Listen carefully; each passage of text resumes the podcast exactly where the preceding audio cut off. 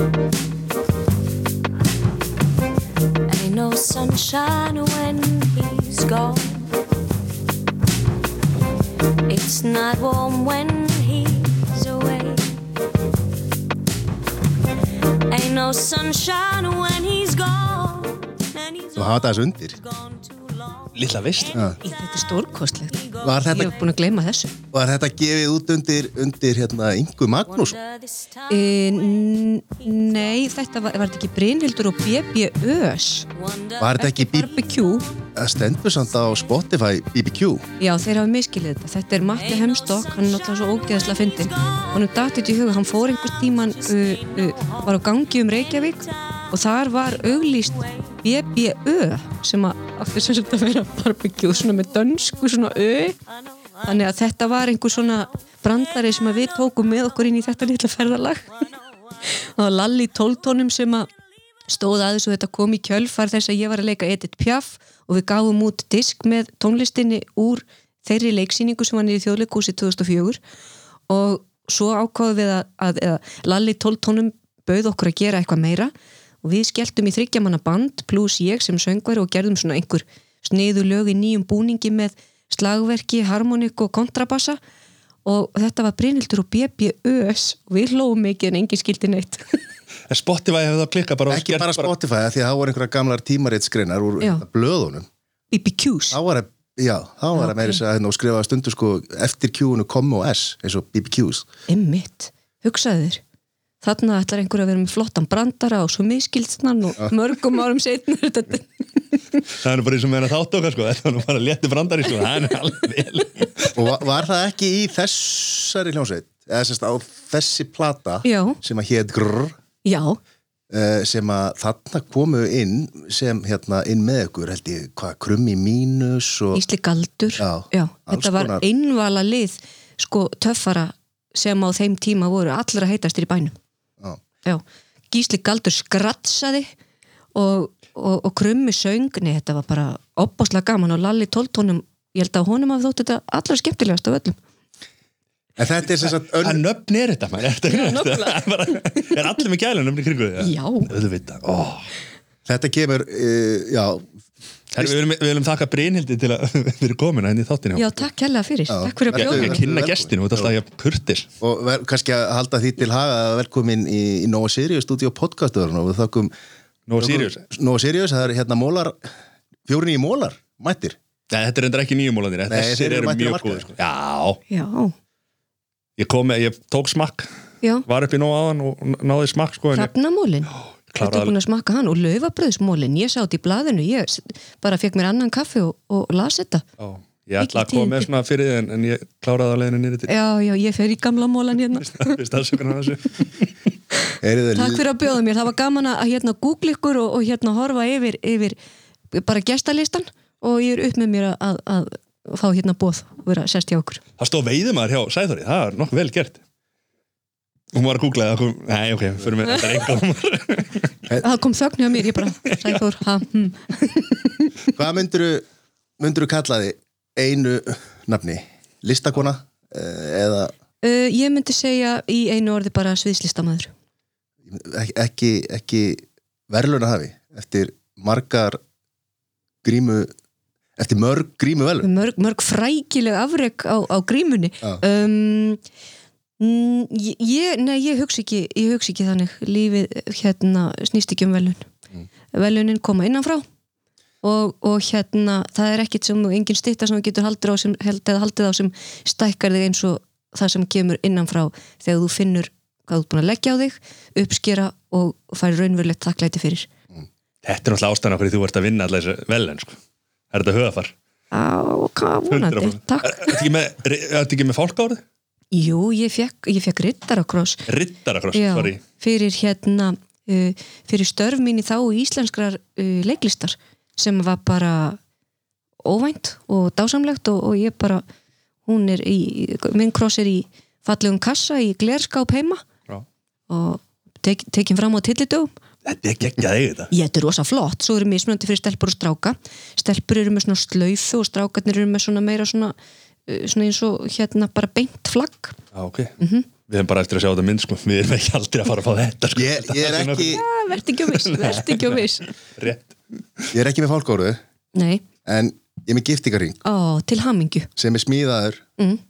af Begga sem að smíðar fálkórunar þannig að það er sami smiðurinn En glæsilegt. Þannig að ég á líka, ég tek hann ekki fram á tillum ég er alltaf með hann. Til hamingju, ég á engan giftingaring Ég bara býð og býð.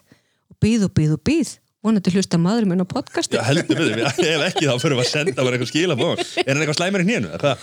Nei, já, ég, ég veit ekki, hann er bara alltaf að býða eftir rétt að tækjafærinu sko Já, þetta, þetta er mikið grín á mill okkar mann alltaf bara skapar rétt að tækja sko. Akkurat, en á, árið tó... Hann er nú skapandi líka, hann er, heldur betur Eru þið búin að googla hann? já, ég, bara, maður er bara í edduvelunum og eitthvað svona. Já, já, Hann hefur fengið edduna, ekki? jú, Já, jú, jú og hann er hérna uh, hann, vinnur, hann á fyrirtæki sem heitir Irma ástand fleirum og, og þeir eru í leikmyndasmíði og, og húsgagnasmíði og öðru.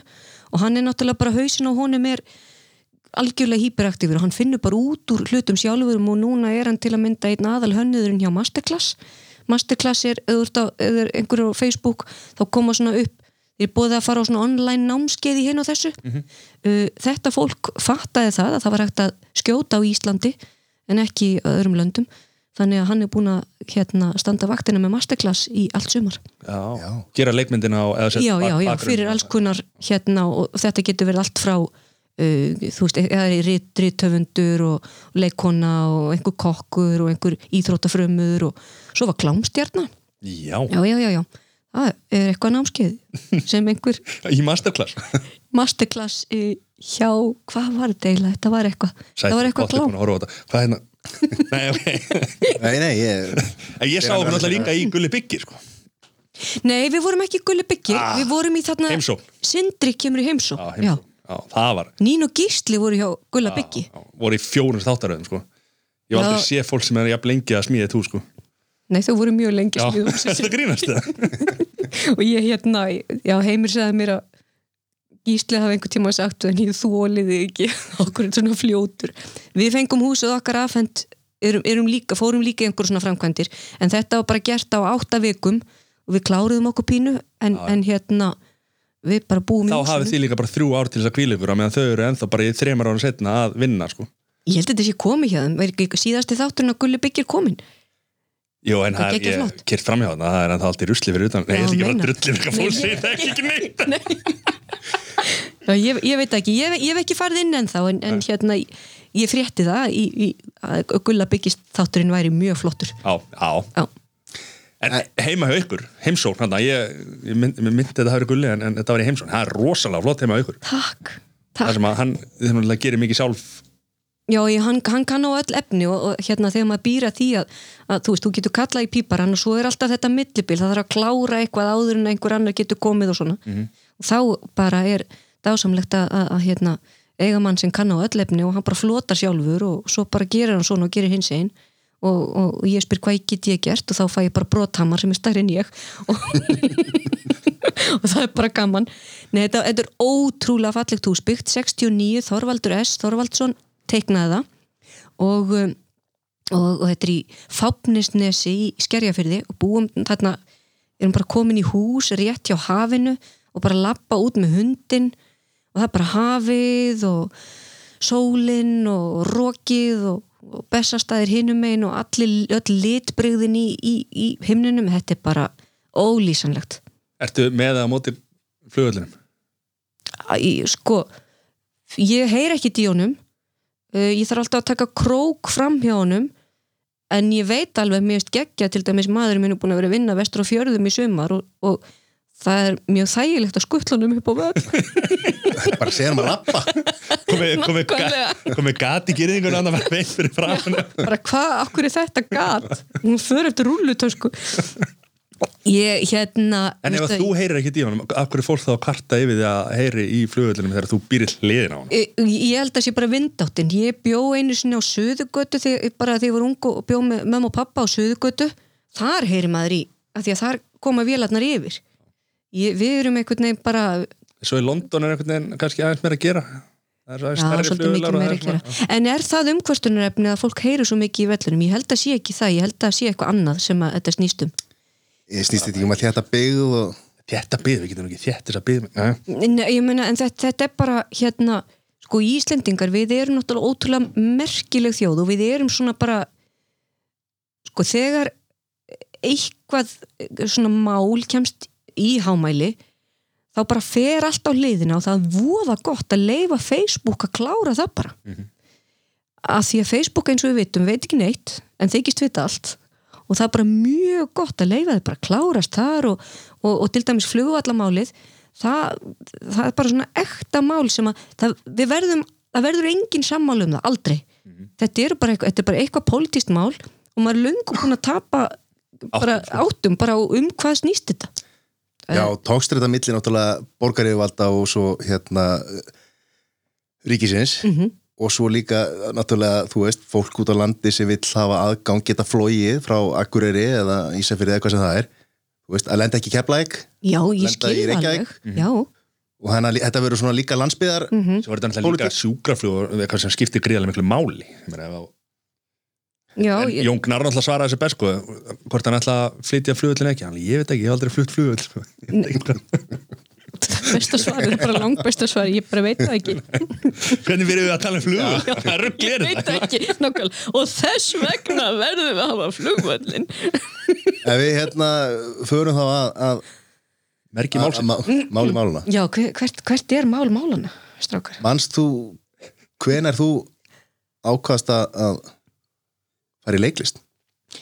Þess, þessa spurningu hef ég mjög oft fengið og, og þess vegna held ég hún, hún hafi svona afvegaleðst og, og ég sé alltaf að leiti síðasta svar. Þannig að þú veist svarið er kannski ekki satt, ég veit það ekki. Ég held að þessi svoleiðis, ég vissi alltaf að ég ætlaði að verða leikari uh, en ég er bara alveg þannig upp að þetta var engin uh, að farvegurinn var ekki skýr að því að það er ekkit listafólki kringum mig, hvorki leikarar nýja annað.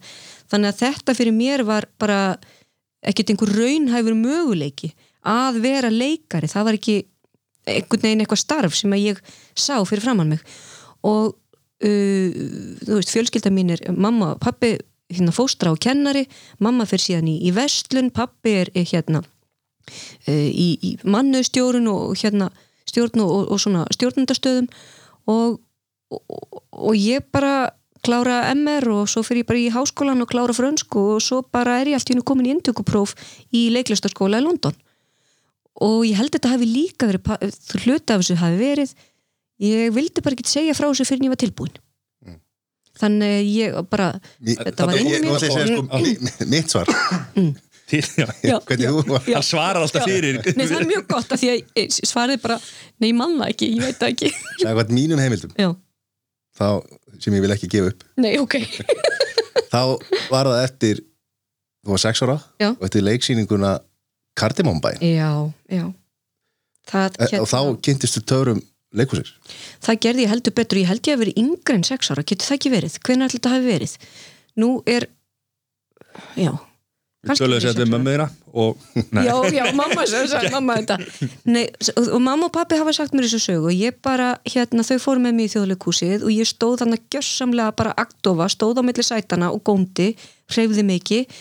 En þegar bara tjaldi fór fyrir í lokin, þá trompaðist ég gjössamlega og mamma og pappi eh, að því ég var mjög þægt barn ég var mjög gott barn og þægasta barn á jólaballinu um, ég bara fríkað út og hendi mér í jörðina og, og bara ólmaðist þarna og orgaði á, á rauða teppinu. En þarna kemur eitthvað svona þarna verður bara sprenging í brjóstin á manni þegar maður fattar hvað leikhús er. Og, og hvort ég hafi vitað að, að eh, mér byðist þetta í framtíðinni að standa síðan þarna og, og gera þetta starfi mínu. Það held ég nú ekki en þarna held ég að bara svona DNA hafi, kikkað inn og sagt þetta er eini farvegurinn. Að því þú, þannig að bara takk fyrir þessu sögu. Þú ferð nátt, á náttúrarbrönd í MR, þú ferð ekki í hérna uh, MH eða eða hugsalega hérna það verða allir leikar að fara í MH eða hvað Nei, ég er kannski svona það sem að kannski mann hvernig- ekki alveg hvernig það var á þessum tíma mm. það sem að var kannski mikil leiklist og Já. uppsetningar kannski var MR, hefur MR sett upp marga leiksinni? Já, mjög, mjög margar nefnilega. Herranótt er elsta, eiginlega elsta starfandi leikfélag bara á, á Íslandi. Uh, búið, og það eru stórar og metnaða fulla sýningar en ég fór til að mynda ekki í herranót en ég hef leikstýrt á herranót Þannig að þú varst ekki að, að eitthvað að dundi leiklistin í, í MR Nei, ekki neitt. Ég fór síðan í, tók þátt í einn uppfæsli í stúdendaleikursinu eða fór eitthvað námski í stúdendaleikursinu því ég byrjaði þar en nei, við, við vorum óla mikið að leika leikrit í digranuskóla í Kópavogi en svo fer ég bara í MR og einhvern veginn, ég veit ekki, kannski fannst mér ég bara vera einhver stelpa úr Kópavogi sem ætti ekkit erindi inn í þessa lista elítu innan gæsalappa, kannski var ég bara rætt við umhverfið en ég gerði það ekki. Ég var bara í vaslitamálun á kvöldin með gömlu fólki í mittlastaskólinu í Reykjavík. Varst og í, fekk útvarsfyrir listina þar. Varst í dýranskóla eða var listaskólin Varst í dýranskóla? Já. Vel gert, ég líka. Í alvöru? Sælir. Næs. Já, Já, æðislega Já, dyrinu skóli Ha? heldur betur, já, og svo, svo valdi ég MR og, og hérna og við fluttum nefnilega til Reykjavíkur þannig að hérna maður gætt sleppt því að eða æfinni einhvers þar nýbíla veginum að byrja til strætó sem var alveg bara, ég hildi maður vilt með þetta andast hvort degi á álfólksvegi eða nýbíla vegi, annarkvort að út, ég verði úti bara býðandi hérna. Um, já, svo fluttum við nýri miðbæ bjökunir á söðugötu þannig að ég lappaði bara í skólan svo kemur háskólinn og ég lappa bara upp yfir og svo er ég bara farin þreymur árum síðar út til, til London. Já, með reyndar, tókstu frönsku? Fórst aðeins í sögu já, í, hérna, í, í málaskóli í Fraklandi Uh, í, sko, mentaskóla ára, það ekki? jú, hvernig varst að tala við? jú, ég, þegar ég er 16 ára þá fer ég í hérna svona uh, málaskóla, svona sumarskóla einhverja þrjár vikur eða eitthvað svoleiðis í hérna uh, í Cannes ótrúlega spennandi þetta er náttúrulega löngu, löngu, löngu fyrir, sím, fyrir tíma sko gemsans og, og tölvunar þannig að ég bara fyrir upp einhverja flugvél fyrst flýði ég til Luxemburg, þar er ég einhverja daga og svo fer ég bara með jábrautalest frá Luxemburg og niður til Suðurfraklands og mamma og pappi heyrði ekkit frá mér og svo bara, nei, þetta er bara svona. Og, og hérna, þú veist ekki hvað barnið þetta er. En, en já, þetta voru þrjár vikur í kann það bara, hérna, og, og, var, og var gaman En akkur er fra, fra, franska og akkur er frakla Uh, Fra Frakland er bara hefur mér alltaf verið bara mjög hugleikið og ég ætlaði að læra þetta tungumál. Og, og ég fekk að vita það mjög unga ég væri ættleitt og þá byrja maður að leita byttu byttu, hvað er í gangi hér og eitthvað svoleiðis, svo fekk ég að vita að blóðfæði minn sem sagt, hann var frá Fraklandi og þá bara þýtti þetta eitt. Þetta tungumál ætla ég að læra. Og upp á tíu en, og mér fannst það bara flott og ég var bara ógislega góð í tungumálum. Valdi samt náttúrufræðbröð sem ég hefði ekki átt að gera. Af því að mér hérna þetta hefði allt verið mun auðveldara hefði ég sleppti að fara í munlega starfræði Það er að tungumálabröð Það hefur verið. Já, ég hefði faktist átt að gera það en, en ég er þannig líka og garði gerða að mér er sagt að ég get ekki eitthvað. Og þá verði ég skrítin á svipin og, og, og gera það. En þú ert ætlit, hvað er hérna Ég hef ekki hugmynd um það Nei, nei, enda, enda er, hefur það bara ekkit sko ef við ættum öll að hérna ég heldur séum öll einhvern veginn rángfæðruð á Íslandi hvað sem er og, og hérna ef, að, hérna það ætti að vera uh, allir ætti að bera það á torg hver er hvers og hver er hvað þá hérna enda skipti það svo sem ekki máli. Nei, en, en ég er gefin semst á milli systra og, og, og hérna mamma og pappi, Margrét og Guðjón fengu mig og, og ég fekk þau og það var bara indislegt en, en hérna blóðfæði minn var franskur og hann lést núna í vor uh, og blessu sér minning hans. Kynntust honum eitthvað eða? já, já, ég kynntist honum. En blóðmóðu mín heitir Kristín og hún er, er sýstirinn um mömmu. Já. já. þannig að þetta er allt saman bara í, í kompaníinu. Mm. Hvernig fannst þér að að hitta blóðfæðin það var bara geggjað, ég sá bara svona kall sem var alveg sem ég. Já, já. Já, það var, það var bara indislegt og, og gaman að, að hafa náð tengslunum. Og ég á eina hálfsistur í Fraklandi sem heitir Julian. Og, og hérna já, Þetta er sem er alveg og getist tengsl. Og hvað, þú náttúrulega talaði gat já, já, og síðan sko ég, ég, þetta hérna, þetta sumarnámskeið við mamma og pappi vorum reyndar búin að fara við vorum hérna í námsflokkunum í Kóbói þegar ég var 14 ára í, í hérna dyrrunaskóla þá fór ég með mamma og pappa á frönskunámskeið þannig að við vorum öll búin að sitja saman á, á frönskunámskeiði og svo fór ég hérna til Cannes. Síðan hérna er ég náttúrulega í frönsku í MR og í hérna þegar ég er búin með mentó þá ákveð ég að klára frönskuna. Ég bara, ég bara ætla að tala þetta mál almennilega. Og það er frábært að vera í Háskóla Íslands og, og þar leið mér alveg rosalega vel. Það er mjög vel hugsað um nefndurna þar. Og eftir MR þá líka bara var þetta svo auðvelt? Þetta var svo bara svona gleðir ríkur tími þar sem maður var bæði í málvísindum og bókmentum og, og bara lifa lífinu í Reykjavík og fá að vera ung manneskja. Búin að klára munlegt þarna starfræðipróf eitthvað Jésús? Kristur, já, bara hversu margar veist, fjögur ár lágu til grundvallar og hversu margar sannanir og ég meina í alvörinu, ég skildi ekkert. Ég bara viðkenni það og, og enn minna skildi ég í hérna stýrikerfin MS-DOS Þarna kemur leikonan Nákvæmlega. Þarna kemur leikonan og, og líka sem að hérna, því að svona munið prófa að verða mun eitthvað. Mhm. muna texta og svona. Já, það grundvallar aðrið að skilja hann. Ég get alveg munað er eitthvað, ég veit ekki að hvað er að bara tala um. les, lesa það og, og fylja það síðan bara upp?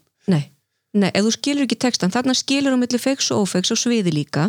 Lélögu leikari hann veit ekki um hvað hann er að tala. Hann getur romsað upp úr sér einhverju. Hann veit ekki hvað hann er að segja. Hvernig á þú sem áhrifandi að skilja? Að því að hvað er leikhús? Þetta er listrænt samtal og töfratnir eru uh, bara þetta ósýnilega X sem á sér stað á milli sviðs og salar.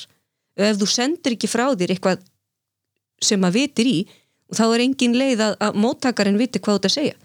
Þannig að bara lélugu leikari hann getur alveg lært eins og pákukur en hann getur ekki skilað en einu. Hvaðan kemur þessi ástriða? Frá þér? Bara, nei, bara þú bara lifnar alveg við og bara erum við að tala um þetta, þetta er alveg geggjað sko. já takk fyrir það, kannski er það þessna sem að ég er lend á staðnum sem ég núna Mhm. að fá að stýra stærsta leikus landsins Förum við það aðeins á eftir, klárum Frakland já, hérna? já, já, já, ég, hérna svo bara kláraði ég frönskuna í Háskóla Íslands og, og kynntist einni bestu vinkunum minni Siggu, Siggu Völu í háskólanum. Og þegar við erum að fara inn á annað ár þá er okkur bóðið að fá Erasmus styrk eða sækjum það sem við fengum báðar. Og tókum sem sagt annað árið okkar af þremur í Montpellier í Fraklandi sem er svona háskóli sem er skiptinám við Háskóli Íslands. Þannig að við vorum bara við söður Frakland nei, hérna við, við söðurstönd Fraklands e, í heilan vetur að læra það sem að okkur fannst stórkostlegt ég átti bíl, við pöðruðum stann út um allt, ég menna það er bara ekki betra til. Byggum í pínu lítilli íbúð í 300 ára gamlu húsi uh, kynntumst ótrúlega mörgu stórkostlegu fólki og svo bara klárum við það ár, komum heim og ég kláraði sem sagt frönskuna við HÍ og tók uh, ítölskuna með sem aukagrein frábært, tók rúmensku þegar ég var út í Fraklandi þannig að það voru svona þrjú rómensk tungumál sem var hægt að bera saman bara, bara gaman. Og hérna ég lítið nota rúmensku síðan en allavega ég kann að telja á eitthvað. En ítölskuna, hún er svona keimlík frönskunni eða svona, Já, já, sko málið er ef þú kant franska málfræði þá uh, bara, þá er eftirleikurinn svo auðveldur, það, er- það er ekkit mál að bæta við öðrum rómuskum tungumálum. Franskan er svo flókin, ítalska er bara, þú veist kallkins orð enda og, og kvenkins á að þetta er bara ótrúlega basic. Þannig en hérna og ítalskan náttúrulega stórkoslega falleg uh, en, en flækjust í því frönskunni að því að franskan byggist á engungu undantekningum og maður hittir kjarni, svo lítið. en Montpellier? Já, Ég hef komið hana, æðislegu staður. Ja, bara ég var einn dag hana Já, hvert fóstu? Bara eitthvað, miðborgina, óperan. Fórum sko, fórum frá hérna, tókum lest frá hérna, París. Mhm. vorum farið til Barcelona. Já, stoppum þarna, einu nótt þarna og fórum svo aftur. Lestin fór ekki lengra, ég man ekki alveg hvað. Nei, þetta er bara indislegt mm Þetta er indislegt Sá lestastöðun þarna, ég man ekki þetta er svo langt síðan, Já, ég man ekki hvað meira nei, það er bara, þetta er hérna þetta er bara borg sem að hefur miðaldarætur og það er stæsta akvuduk eða stæsta hérna vassveita einn ein stæsta best varðveita vassveita, rúmvaska vassveitan er ennþá til. Það er bara ótrúlegt. Er rétt fyrir þann. Nei, nei, þetta eru bara akvudukarnir, þetta eru, þetta eru svona stóri veggir með svona um, svona kvolf einingum undir. Og þekkir þetta alveg í sjón Já, og þarna veittu þér vatninu niður. Já, í den tíð, sko. den tíð? Já, Og þeir eru upp á staðurinn að ferðast á, er það þá Ítalía og, og Frakland eða er það um, nei, ég, jú, ég, sko ég elska þessa staði en, en svona í setni tíð þá höfum við ekkert ferðast neitt rosalega mikið. Man einhvern veginn notiðis bara að vera á svona staycation eins og, og vinum hans í, í, í bandaríkjunum segja, bara vera heima. Já. Það er bara búið að vera mikið vinnu álag og þá er maður svo bara gladur að vera heima hjá sér og bara njóta þess sem maður á uppáhald staðurinn minn sem að bara í heiminum og þangað get ég alltaf farið aftur nema núna, mér bara langar ekki flugvél bara ándjóks, mér langar það ekki. Um, Mexiko Já, Mexico City uh, Suður Mexico, Oaxaca um, óviðjafnalegi staðir óviðjafnalegt fólk. Sko, fólk frá Mexico það bara brennur einhver forn eldur í augum þessar fólks. Og ég hef bara aldrei orðið fyrir því líkru upplifun eins og þarna maturinn uh, vefnaðurinn uh, hérna leirkjærasmíð, nei ég meina þetta er bara óviðjafnalegt og, og ég gæti hamingisum komið mér fyrir í Oaxaca í fallegu húsi og haft það gott. Maður heyrir ekki oft sko Íslendingar hafa núna verið setni tíð hafa þetta aðalega verið mentaskólanemar að fara í útskiptaferð og eru þá einhverjum svona strandbæ og svona. Cancún og og svo fara allir Íslendingar núna til Bali þú veist, en maður ekki heyrt mikið að fólk fari einmitt í Mexico City eða einhver, einhverja svolisverðir Nei, hérna uh, Nei, ég veit það ekki. Bali, er það ekki opáslega langt í burtu? Eins og heyri ég með svona mér finnst ekkit gaman að fara í flugvél. Mér finnst það bara ekkit gaman og það er ekki stutt í Mexiko sko.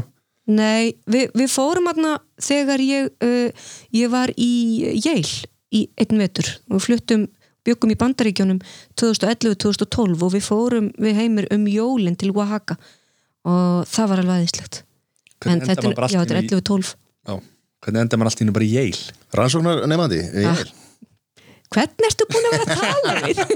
Sjá á því svipin þetta er interneti veit allt saman sko. Já. Já, hérna, sko, eftir eftir uh, við, skulum, við skulum áður Já, ég er bara ég Það er alltaf nýtt þú, þú fer ég að reyna að bera rétt fram sko Já, já, eftir hérna ert búin með Háskóla Íslands já. þá ferðu í hérna Guildhall School of Music and Drama. Yes. In the Barbican Center. Og ert þar Kemur ekki bara, þetta er einhver uppáðs karakter bara í sjómasögunni Nei, þetta var fallega þetta Já, ég var fallega að ég er bara-. Kettlingin, hún er æðisleg. Sko bara að því að, Takk fyrir það. Þar var Orlando Bloom og, og Já, hérna hann var árinu eftir mér. Og Daniel Craig. Já, Ivan McGregor Allt einhverju gæðir sem veit ekkert hvernig er Hilmir snær ekkert annað hvernig þa- þa- þarna þú ert búin að vera í þessum málvísitum og þarna, þarna og fer í leik- já, og bókmyndunum, nú fer í bara nú fer í leiklist. Já. Það er starffræði bara, bara, bara jöfnur. Munleg starfræði. Uh, nei, þarna einmitt get ég notað allt sem er í minni verkværutösku uh, málvísindi sem þýðir það að ég get uh, borið fyrir mig alls konar reymum og á mjög auðvelt með það að, að skiptum reym og skilja munin á bara hvar ferðast tungumál í muninum á fólki tungumál sem að búa aftarlega í muninum eins og danska eða framarlega eins og íslenska uh, þannig er eitt verkfæri uh, þessar endalísu bókmentir sem ég læriði uh, 18. aldar, 19. aldar, 20. aldar bókmentir maður er vel læs á eitthvað þannig að þú er lest leikrið, þú veist úr hvað rannið það kemur þú veist hvað er, að- hvað er að gerast í heimsögunni þegar þetta leikrið er skrifað úr hvaða uh, af, af hvað þörf sprettur það af hverju, hvað er höfundurinn að fara, er hann að skrifa út frá sínum tíma eða er þetta rannsóknarverkefni þetta er bara uh, bókmentir uh, málvísindi, tungumál þetta er algjört gull fyrir þann sem ætlar að vera leikari, að því að hvað er það að vera leikari? Jú, út sérfræðingur í personum og, og kringumstæðum. Og það er það sem að leikarinn er. Setur sérfræðingur í að setja sig inn í hluti og miðla þeim af sannleika og skilningi. Um, þannig að með að bara allt er verkfæri í að vera leikari smiður getur orðið briljant leikari að þú veist það að vera með trésmiði á bakinu er bara briljant inn í það að vera leikari.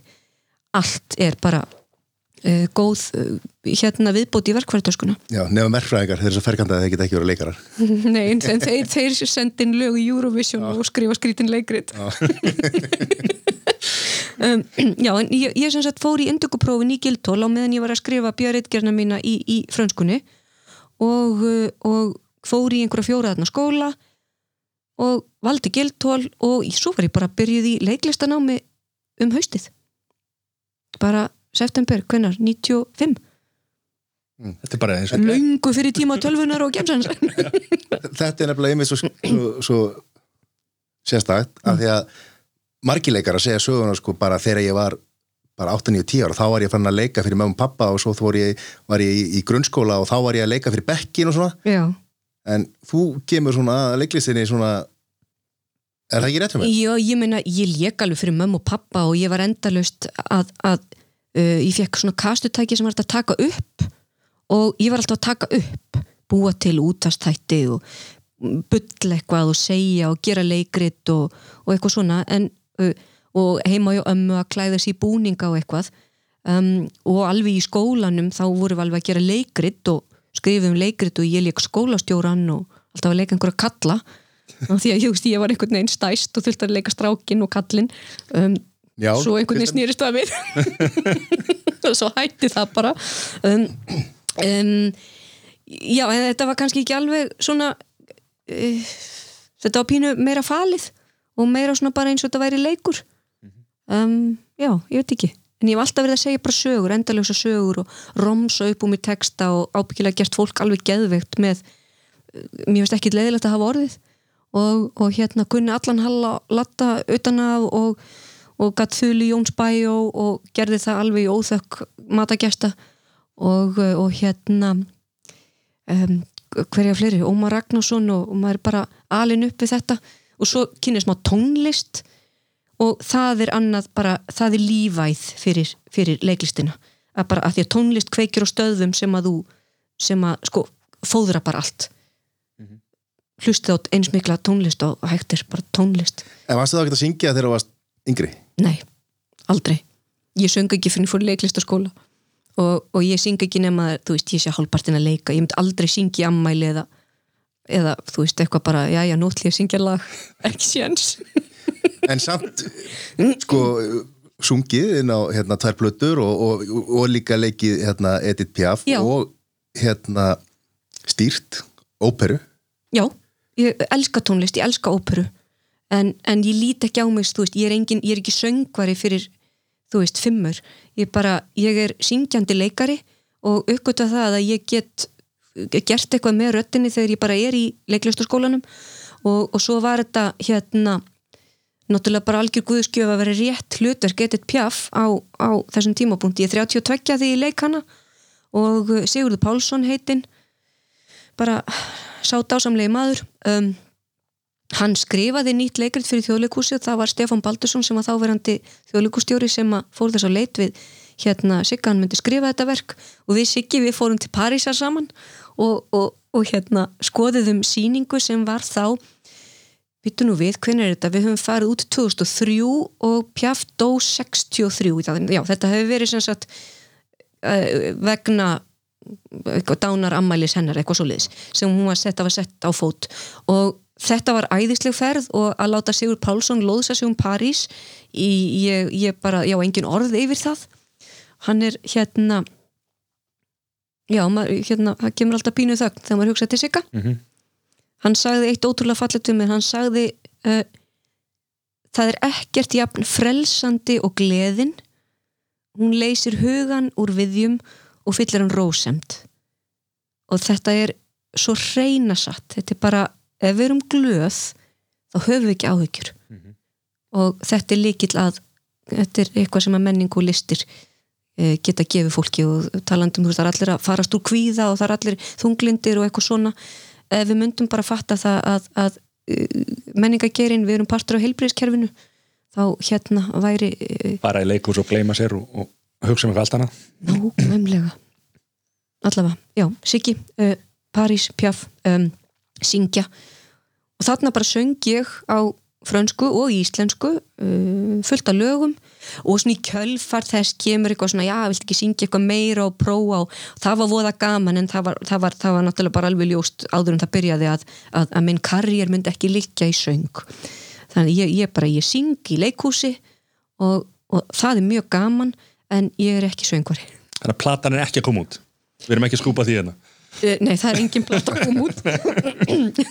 Ég held að vera lítil eftir spurt og hún var að koma út. Það held ég. Eh, kom aldrei til greina að taka leiklustin en það heima? Uh, nei, ég þurfti að komast burt. Já, það er kannski kjölfar þess að ég var hérna í háskólanum í, í Montpellier. Þá er maður bara komin að bragði með að vera í útlöndum og máta sig við eitthvað stærra, eitthvað annað vera óskrifa blað, hitta annað fólk og, og hérna þannig að þetta var bara það sem ég vildi og mér langaði líka til að komast í eins klassíst leiklistanám og væri bóði og ég vildi komast eins nálega Shakespeare og ég gæti. Þannig að, að Breitland var, var það sem að ég vildi. Og var ekkert mál að sækjum og fá inn og Nei, það er ekkert mál að sækjum uh, en- Erfiðara að fá inn. Það er kannski erfiðara erfiðara að fá inni.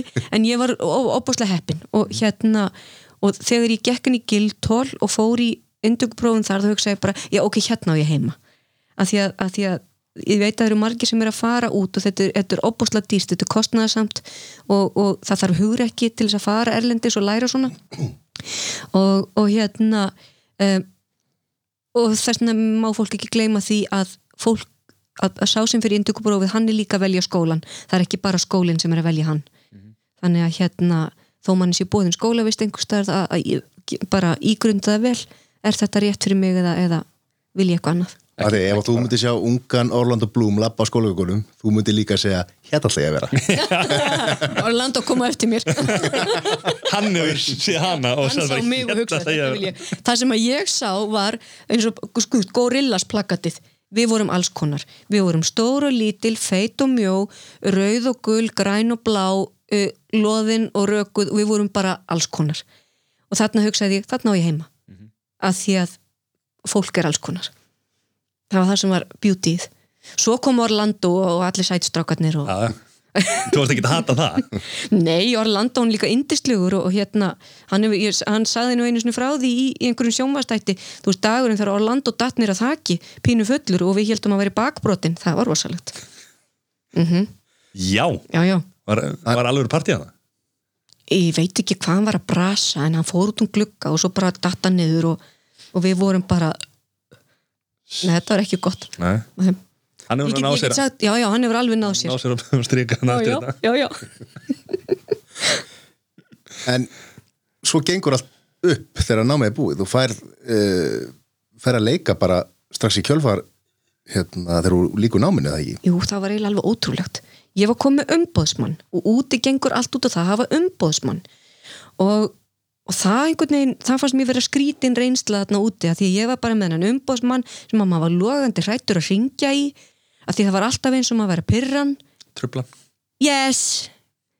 Og bara svona, what can I do for you? Og bara eitthvað svona og, og maður bara ok, þú ert að taka 20% af peningunum mínum og hún ennur ekki einu svona að tala við mig. Og ég skildi ekki, já já, en þetta var algjörlega nýtt fyrir manni og, og, og, og bara umbúðskrifstofan eitthvað.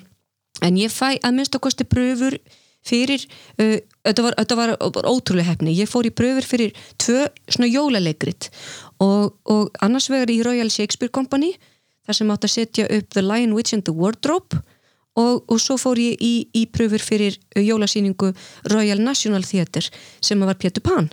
Og ég fekk hvort tvekja og uh, þurft að velja eða, eða ég held það og ég valdi National Theatre og umbóðsmaðurinn var alls ekki sáttur vegna þess að hérna hann, ég held að hann hafa ætlað að skella mér inn í einhvern svona pakkadíl.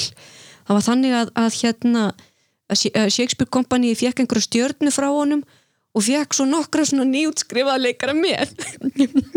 Og ég segi bara nei, ég vil vera í London. Og þetta var hérna þetta var fyrsta svona sem ég fattaði. Við værum kannski alveg á sömu blaðsíðu.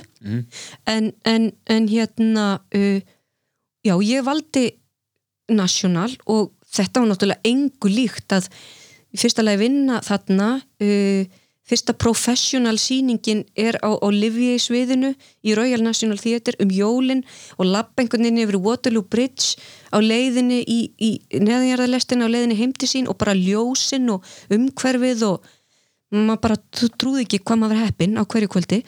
Um, og á meðan ég þarna þá hérna, ég hafði alltaf verið duglega að kynna mig hérna heima því að maður hafði náttúrulega engan vettvang annan en að banka upp á. Þannig að ég hafði bæði kynnt mig fyrir uh, borgarleikustjóra þáverandi og Stefánu Baldurssoni sem var nýri þjóðleikúsi og, uh, og mér bjóðast uh, pröfur og Stefán Baldursson og hérna Baltasar Kormákur sem var að fara að leikstýra hérna söngleik þeir komu út og, og, og tókum í pröfu bara inn í Nationala því að við vorum að leika sjö sýningar á viku og ég gæti ekkert komið í pröfur og, og, og þá kemur það til að, að ég fæ fyrir fyrsta hlutverki mitt á Íslandi sem er Mimi í rent. Og símtalið sem ég fæ frá Stefán er já sæli hérna þú syngur, syngur þú rock? Og þetta var bara dögð að drepast og ég sagði bara já. Að sjálfsögðu. Og svo hérna fór ég á rent um kvöldið með hérna þáverendi kærastanum mínum, húnum Rössel heitnum og, og, og ég sagði bara, heyrðu ég held að sé þetta hlutur getur það verið? Hlýtur það ekki verið eitthvað þetta, nei, nei, það, þetta er þetta. Ok, þá er bara best að læra þetta og syngja þetta þegar mennirni koma. Og það bara gekk. Já, þetta var geggjað, þetta var geggjað en þessi umbóðsmaður og þetta, þið voru á- ekki á sömu Já, nei, vorum ekki á sömu blaðsíðu. Eitt sem að var á þessum tíma sem að, sem að er ábyggilega algjörlega liðundir lok núna, það gekk ekki að vera útlendingur. Þannig að ég þurfti bara að heik, heita Inga Magnússon. Inga er sem sagt, það, það er bringa nema bara þú sleppir BR. Pappi kallaði mig þetta því ég var lítil og pappi er Guðjón Magnússon, þannig að ég bara notaði það því að Magnús Magnússon var frægur útvarsmaður og þá er þetta svona eitthvað bara viðtekið eftirnafn sem að enginn þarf að spurja sig um hvort það sé til eða ekki. Og á þessu nafni þá bara kemst ég í inntökuprófin. Brynhildur Guðjónsdóttir hefði aldrei fengið pröfur fyrir uh, Pétur Pan. Aldrei. Þannig að þetta er bara og, en, en, er þið sé bara nafni á blaðið og þetta er alltaf flókið bara, já, en, en þú veist, þetta er algjörlega þetta er búið í dag. Núna getur fólk bara komið og heiti nöfnunum sínum og, og meiri sér í skólanum þá sögðu kennararnir þú veist, umfaðmiði nafnið ykkar. En það bara, ég áttaði mig fljótt á því og sérstaklega þarna út í Fraklandi þú ert Brynhildur í fyrsta lagi þá, þá kemstu aldrei yfir barjérin að þetta, þetta rosalega nafn, þessi tíu bókstafir sem passa enga megin saman uh, verða umræðafni kvöldsins og þú verður alltaf útlendingurinn. Og ég bara mátti ekki vera að þessu. Ég þurfti bara að komast áfram og í gegn.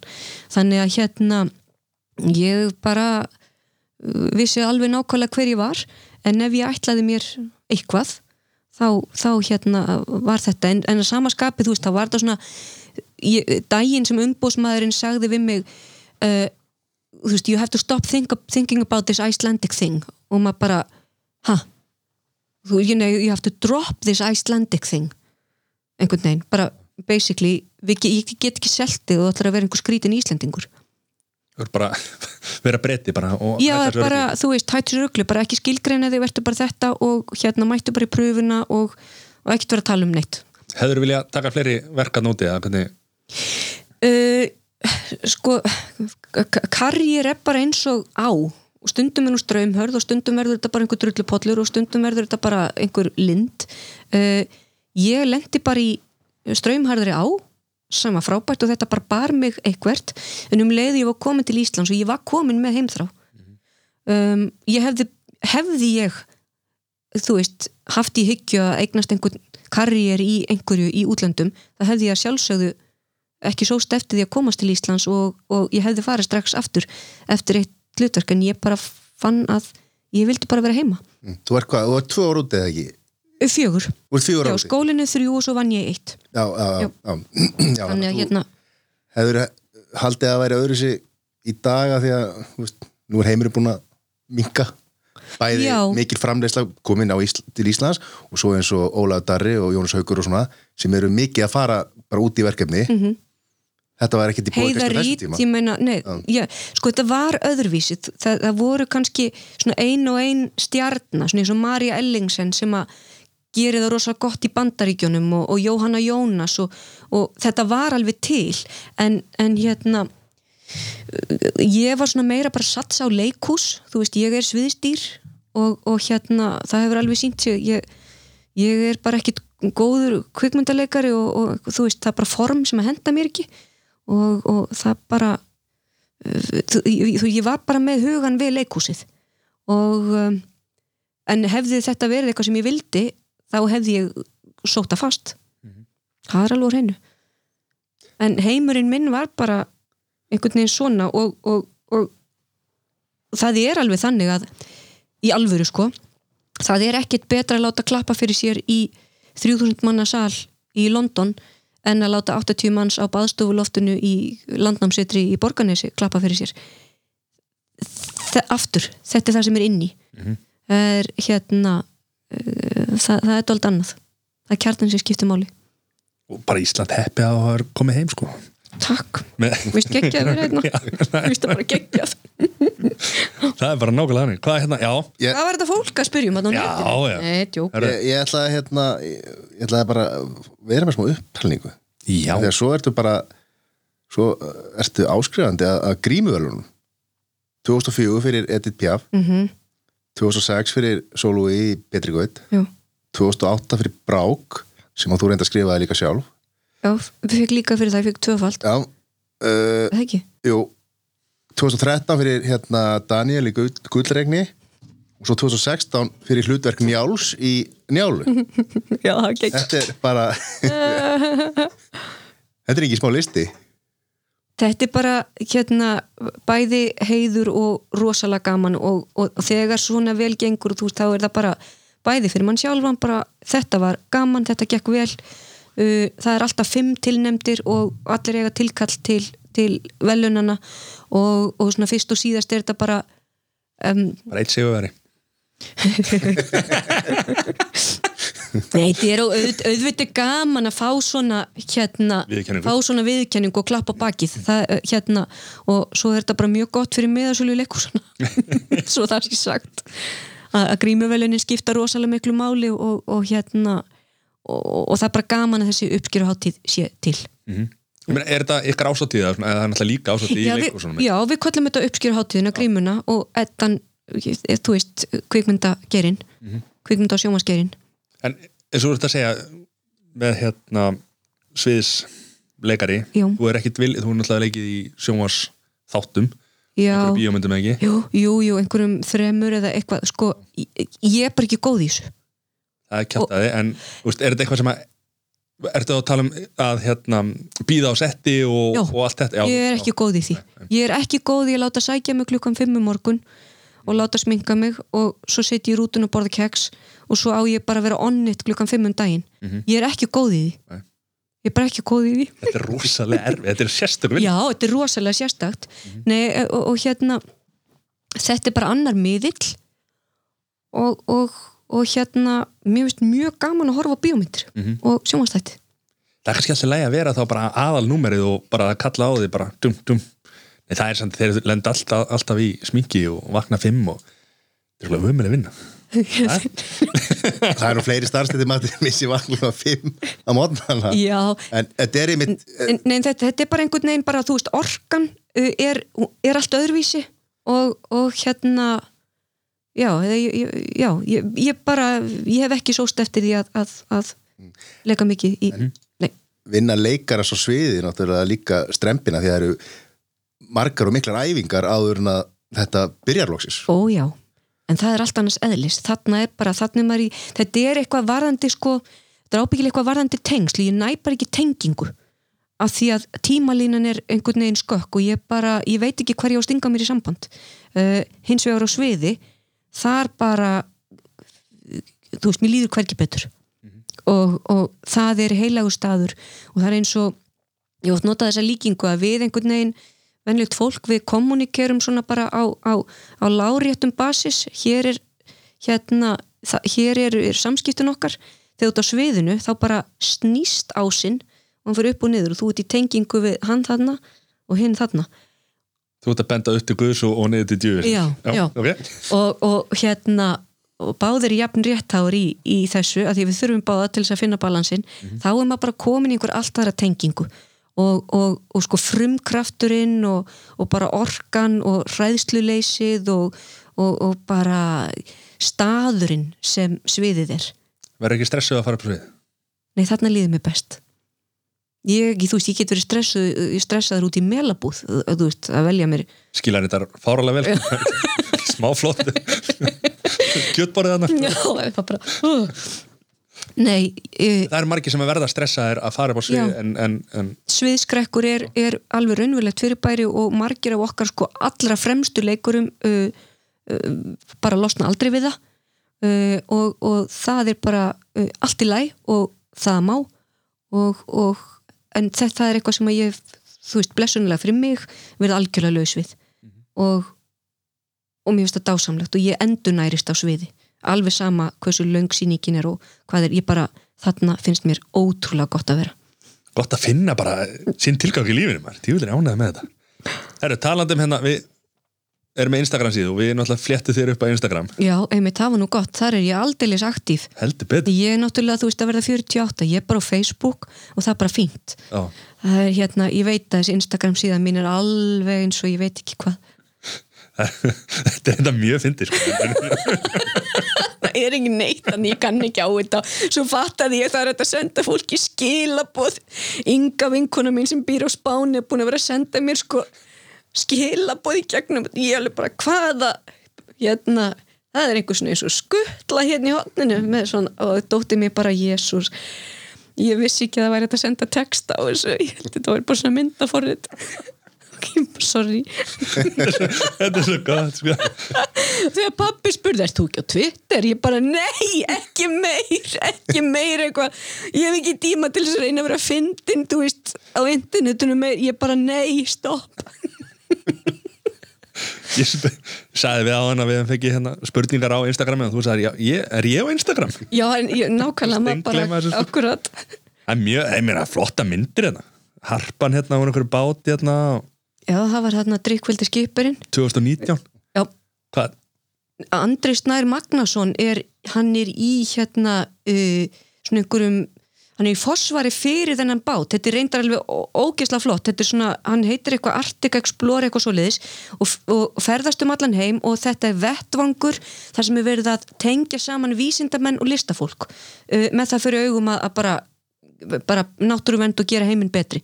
Og, og engin betri í þetta en Andri Snær og það eru fleiri góðir hérna menn og konur þarna í fyrirsvari fyrir hennar bát.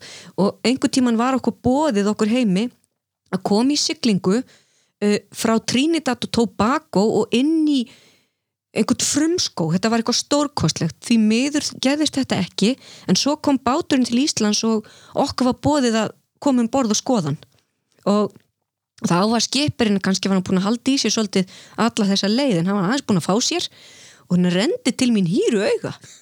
Og hérna og virtist vera ægilega gladur að sjá mig. Og svo mikið að, að Andrisna ringdi á eftir og baðst afsökunar fyrir hönd þess manns sem að mér fannst bara mjög fyndið og, og, og hérna það er bara gleðilegt að, að að vera 48 ára og einhver sé að kottunum sæl Er það ekki? Jú, Var, var heimir ekkert aðeins að stígu upp og, og svona Nei, hún er fast þetta mjög sniðut. Ég held að hann hafi séð að það væri hverfandi líkur á því ég myndi kasta mér í fangið og skipurnum. Eftir 1-2 kanta hana bara, og þú færin bara í einhverja heimsreisu bara með skipinu Já, ég, nei, hann veit að ég, ég er engin manneski hérna bát og, og, og hérna, ég er mjög sátt að sem ég er. Herðu, það komur spurningar hérna Já, já. Ef ekki leikari, hvað þá? Um, ef ekki leikari leikustjóri. Já Ef maður sé bara brennandi áhugan á veist, Ég held að væri ekkit annað sem að þetta, Þú fannst bara þitt, Mm. já, já, tilgang og, já, ég held það. Jú, ég meina, ég gæti, ég, sko, það, það myndi alltaf vera leikari í einhverjum skilningi. Uh, ég gæti aðmyggjusum unni við það að segja fólki sögur á einhvern annan máta en ég meina það er að vera leikari. Mhm. uh, leikústjóri. Leikustur getur ekki verið, verið kokkur ástriðu kokkur eða svona þeir hafa hún ástriðu fyrir, fyrir góður matakjör Ég er bara ekkit sérstaklega góður kokkur þegar upp er staði. Ég bara, kannski er það bara því að ég hef sett fókusun eitthvað annað en, en við erum voða einhvern veginn hugmyndasnöð. Ég get lappa marga ringi út í búð og, og kaupi eitthvað svo kem ég heim og það er allt ósamstætt. og við vitum ennþá ekki hvað á verið í matinn. ég skil Þetta er bara eitthvað svona, já, nei, not capable. Ég skil ekki þegar fólk getur bara opnað ískapinn og fundið eitthvað þar og búið til eitthvað Já, það get ég reyndar, en ég get ekki búið neinum upp á það. Ég get alveg borðað þannig til ég sött, en þú veist, það er skrítið. Já, Það er bara haust havrakeks og, og, og, og ostur Já, einmitt, bara næs. og ein Piparmynta Sirius, te. og Sirius lengja eftir þetta Akkurat, banan toppur. Já Herru, skemmtilegasti mótleikari Um, ó, Marjana Klara Lútersdóttir sem hérna uh, Ólafur Ragnar Grímsson þegar við lékum Davíð Oddsson og Ólaf Ragnar. Já, Mhm.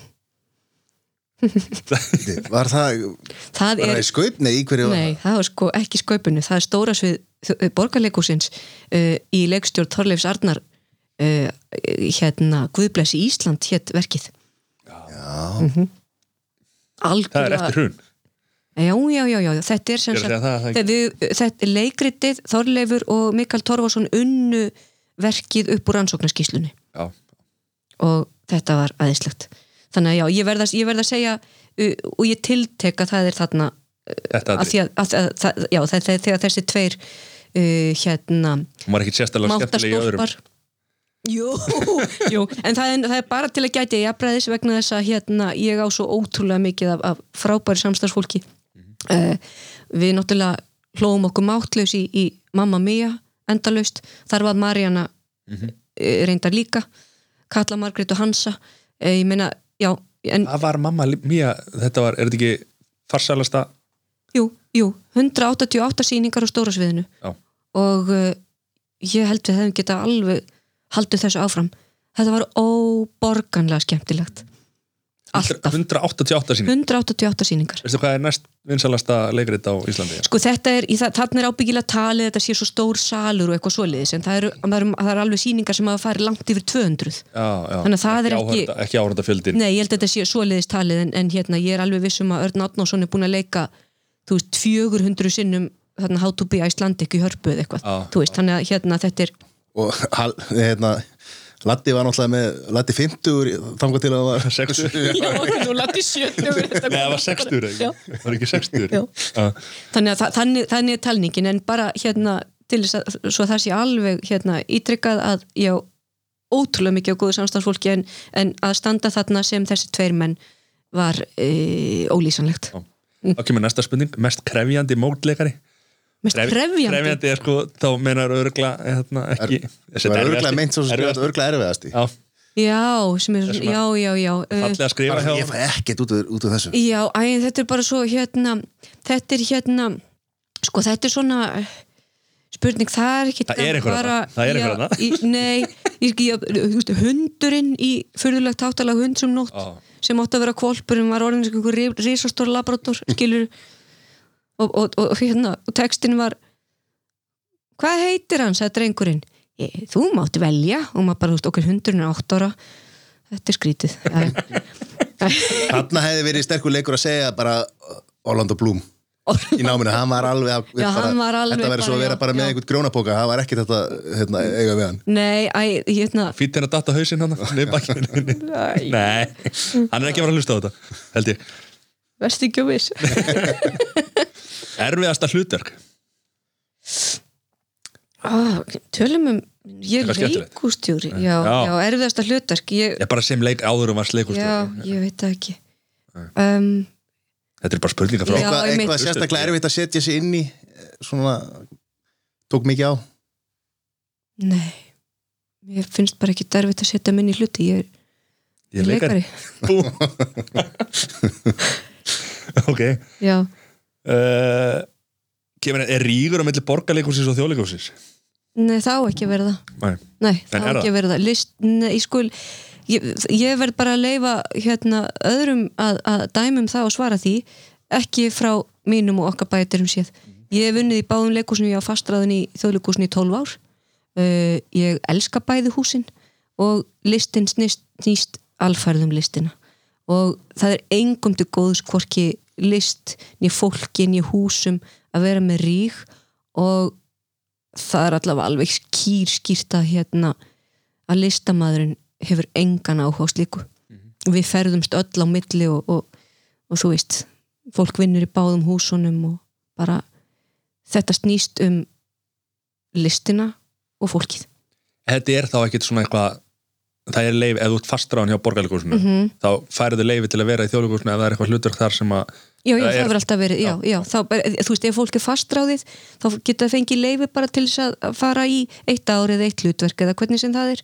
Uh, mjög margir eru bara uh, lausráðinir, bara verkefnaráðinir, vinn í báðum húsum og, og þú veist, svo náttúrulega líka bara akureyri, sjálfstæðasennan, bara ein, ein stór fjölskylda og ef við höfum það ekki svo leist, þá eru búin að tapa. En þegar þú ert fastráðin eins og í öðru hver húsinu Mm. ert þú þá bara kastaður í hlutverk eða hvernig, hvernig, virk, bara, ég- hvernig virkar það er bara, það er allur gangur á því. Auðvitað stendur það upp á leikhúsin að auðvitað með fastraðun stappa fólki að reyna að næra fólki þetta og fá því verkefni við hæfi. Uh, sem fastraðun leikari þá, þá náttúrulega þarftu kannski stundum að, að, að fá, þú veist, þú færðu stóru rulluna og þarft síðan að stinna, sinna minni rullum inn á milli. Uh, eðlilega. Af því að bara líka fyrir, fyrir áhörvenduna og bara fyrir svona eðlilegan þroska þá getum við ekki alltaf verið með sama fólkið í öllum uh, stóru hlutverkunum og, og við þurfum að rótera og í auknum mæli eru konurleika kalla og kallar konur og, og, og hérna þetta, þetta er bara, listin er alls konar. En, en hérna já uh, það stendur upp á, á leikústjórnendur að fá fólkinu sínu verkefni við hæfi.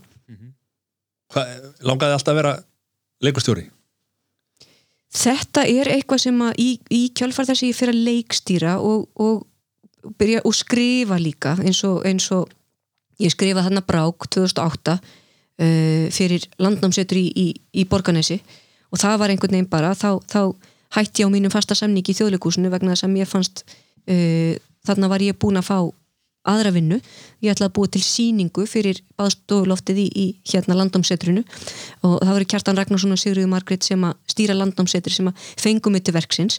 Uh, þá tók ég þá ábyrð á sjálfur mér og öðrum um leið að segja upp mínum samningi að því að mér fannst uh, óhreint að hanga á, á launum hjá ríkinu á meðan ég væri að gera eitthvað annað annar staðar. Uh, og þetta var alveg, það grefst hugrekkis. Uh, en, en og, og kannski ekki síst þegar maður er alltaf að fara að gera vikingaleikrit sem á frumsýna í janúar uh, og það þarf að kæra hérna fyrir hafnafjall einhvern veginn til að sjá það í öllum veðrum. Um, en þetta hérna þetta var eitthvað að mest frelsandi og stórkostlegasta sem ég hef gert. Að þóra þessu og að fara í þessa vekkferð og, og það sem út úr því kom var æðislegt. Og það var brák sem sagt saga fóstru Eils Skallagrimssonar og, og hérna uh, um hvað vorum við að tala? Við vorum að tala um fastræðningar og svo hérna, já, hvort ég hafa alltaf vilja að vera leikustjóri síðan bara Þú sko, með sko, ég hef búin að stegla með Nei, sko, ma maður færi bara einhvern veginn út kvíarnar og eins og ég talaði um hann á stórfljótið og ég meina, minn karriér hefur alltaf verið bara fljót og ég hef borist áfram og ég hef svo bara, þú veist, lent á ágætum stöðum á leiðinni. Uh, síðan fæ ég hérna tækifæri til að leikstýra, fyrst í Íslensku óperunni og það var bara ótrúlega gaman. Þar blönduð við saman leikriti og óperu af því að þetta er ópera sem er sungin í gegn á frönsku og þetta er lítil ópera þannig að það var ekki þannig að við myndum vilja vera með textavél allan tíman og þetta er líka svona sérstök saga, þú veist hún er ekki línuleg, hún fer hverki, hún er svona einhvern veginn bara í ring, þetta er bara svona ein kvöldstund með konu sem er að rífast í síman við fyrirverandi og, og, og hérna endar á vondum stað. Mm, þannig að við tókum það ákverðun að, að íslensk, kona, leikkona myndi leika á íslensku og söngkona syngja á frönsku. Og það léku sömu konuna. Þannig að þetta var svona ljóða flétta í óperuformi, æðislegt. Uh, og síðan uh, hérna þegar tilkynnti er í borgarleikusinu þá er ég fastraðin bara leikona þar og tilkynnti þar að, að Ríkarðu þriðji verði settur á svið þá gæti ég ekki hugsað manna og þá bara vissi ég, ok, nú er ég komin hingað í, þá, þá, þá leikst ég í Ríkarði og svo vann ég að frænda og svo bara er, er, er laus til umsóknar staða og ég sækist eftir því að, að uh, verða leikustjóri En þessi, þessi viðsnúningur að fara úr því að vera leikari með félagunni þínum mm -hmm. fastráðin í borgarleikúsinu og Já. fara að leikstýra þeim Já, hvernig, hvernig tekur á því að, að hérna, fara að stjórna vinniðinum og, og, og veist, oft er þetta erfitt sko. Það blessunulega bara gekk vel, ég er bara naut trausts og, og, og, og hér sérstaklega á Íslandi og ég meina úti líka þá er það mjög oft þannig að, að leikarar eftir einhvern ákveðin tíma ef þeir hafa þann vöðva sem þeir þurfa að spenna fara að leikstýra. Uh, það er ekki allir sem að fara í leikstjórnanám og, hérna margir fara í leikaranám áður en þeir fara í leikstjórnanám af því að bara það, þú veist, þú einhvern veginn þú ferð ekkert, kemur ekkert út úr mentaskóla og læri leikst, ferði í leikstjórnanám í þrjú ár og að því að leikstjórn er bara hlustun og hérna öll verkfærin þín. Og að, að, að hjálpa fólki að draga fram það besta í fólki og, og finna kristallin í sögunni. Um, þannig að þetta fannst mér alveg ótrúlega spennandi hrikalega gaman og ég elskar klassískan texta þannig að, að hérna og já, þetta gekk allt vel. Og það, bara það sem þú ert að spyrjum ég var bara mjög lansum með það að, að hérna mínir bæði vinir, samstagsfélagar mér sko miklu eldra og miklu reyndara fólk var til ég að fara með mér í ferðina. Og það er allt. En af því að ef það vill ekki það þá, þá, þá fyrir svona til þess að skilja starf leikustjóra mm hversu, hversu stór hluti er listrætt mm, og hver, er ekki líka hérna, herri, það er að fara hérna yfir þessar reikninga og svo er bruna eftir lítið að koma eftir að það er að taka skýslu þessi svona hvað, listræni hlutin á móti kannski einhverjum svona sem er bara eitthvað svona rekstralegur sko ég er Þetta er að vera eitthvað húsverður hana Anskot af já, já, ég er ekki skipt um perur en ég myndi ekki telja það eftir mér. Ég gæti alveg gert það ef, að- ef að hérna væri engin í, í, í, í, í, því, í því verki. Í borgarleikusinu það virkar þannig að ég er áðin listrætt stjórnandi og mér við hlið er framkvæmdastjóri sem sér þá um allt það sem lítur að, að bara framkvæmdum og, og hérna þú ert ekkert búin að dusta yfir hérna náttúrulega og, og, Nei, ég þarf ekki að sönnunum við samlagningavélina en ég þarf að vera raunhæf í því sem ég byðum og, og ég get ekki lofað hinn og þessu og, og, hérna, og sérstaklega núna. En það verður að segjast að ég hef náttúrulega aldrei stýrt húsinu í venjulegu árferði. Ég uh, tek við stöðunni og þremur vikum síðar er húsinu lokað vegna heimsfaraldus þannig að ég hef aldrei setið við stjórnvölin á meðan skipun er silt við erum bara í höfn, við erum bara í vari og það er stormur. Við erum ekki einu svona í höfn, við erum bara einhver staðar út undir einhverju fjalli. Við erum bara, við bara býðum og Góða þrjár vekur í þessar fyrstu þrjár vikur það er náttúrulega bara hérna þú veist, ég mann vall eftir, þá er ég í auga stormsins og bara svona, díses, hvað er í gangi? Þetta er örgulega eitthvað lélegasti brandar sem í þessu þætti. Já, fína þrjár vikur, nei meina skilur, þá fer maður bara daldið út úr líkamann og er bara bregðast við og alls konar sem, a, sem að gerist á þessum þremu vikum, já, ó, í þetta. Og, og hvað, hérna, og bara setja sig inn í hluti, en í ljósi þess að, að hérna, COVID er náttúrulega byrjað út í heimi og það búið að loka á Broadway, það búið að loka á Vestend, það búið að loka annar staðar. Eh, en þegar þetta kemur til okkar og það er bara þarna fundurinn góði, fyrsti almannavarnafundurinn, þar sem okkur er tilkynnt um þetta. Sko þetta er um, þetta er frumsýningadagur sýningarinnar nýju líf sem er söngleikurinn, stóri söngleikurinn um, um líf Bubba Mortens hann er klárlega maður með nýju líf og, og, og, og það eru allir listamenn, þú veist, við lendum á fótunum. En, en eftir þrjár vikur í starfi og svo er bara sitjum við og horfum á sjónvarpið og áttum okkur á því að bara eftir þrjá daga þá lokum við þessu húsi fyrir gestum. Stæstu rekstramánuður húsins fari í hönd. Við erum með stórsýninguna sem við erum búin að framleiða. Uh, við náum þremur sýningum og svo loku læs. Og hvað? Uh, borgarleikusið er hús sem er myndarlega styrt af borginni en við erum rekin fyrir 60% að sjálfabla þetta er nánast óheirt í heiminum. Svona borgarleikus út í heimi eru, eru allt öðruvísi rekin og, og, og, og, bara svona á móti uh, þá, þá er bara sjálfabli leikhúsa í útlöndum allt, allt, allt öðruvísi.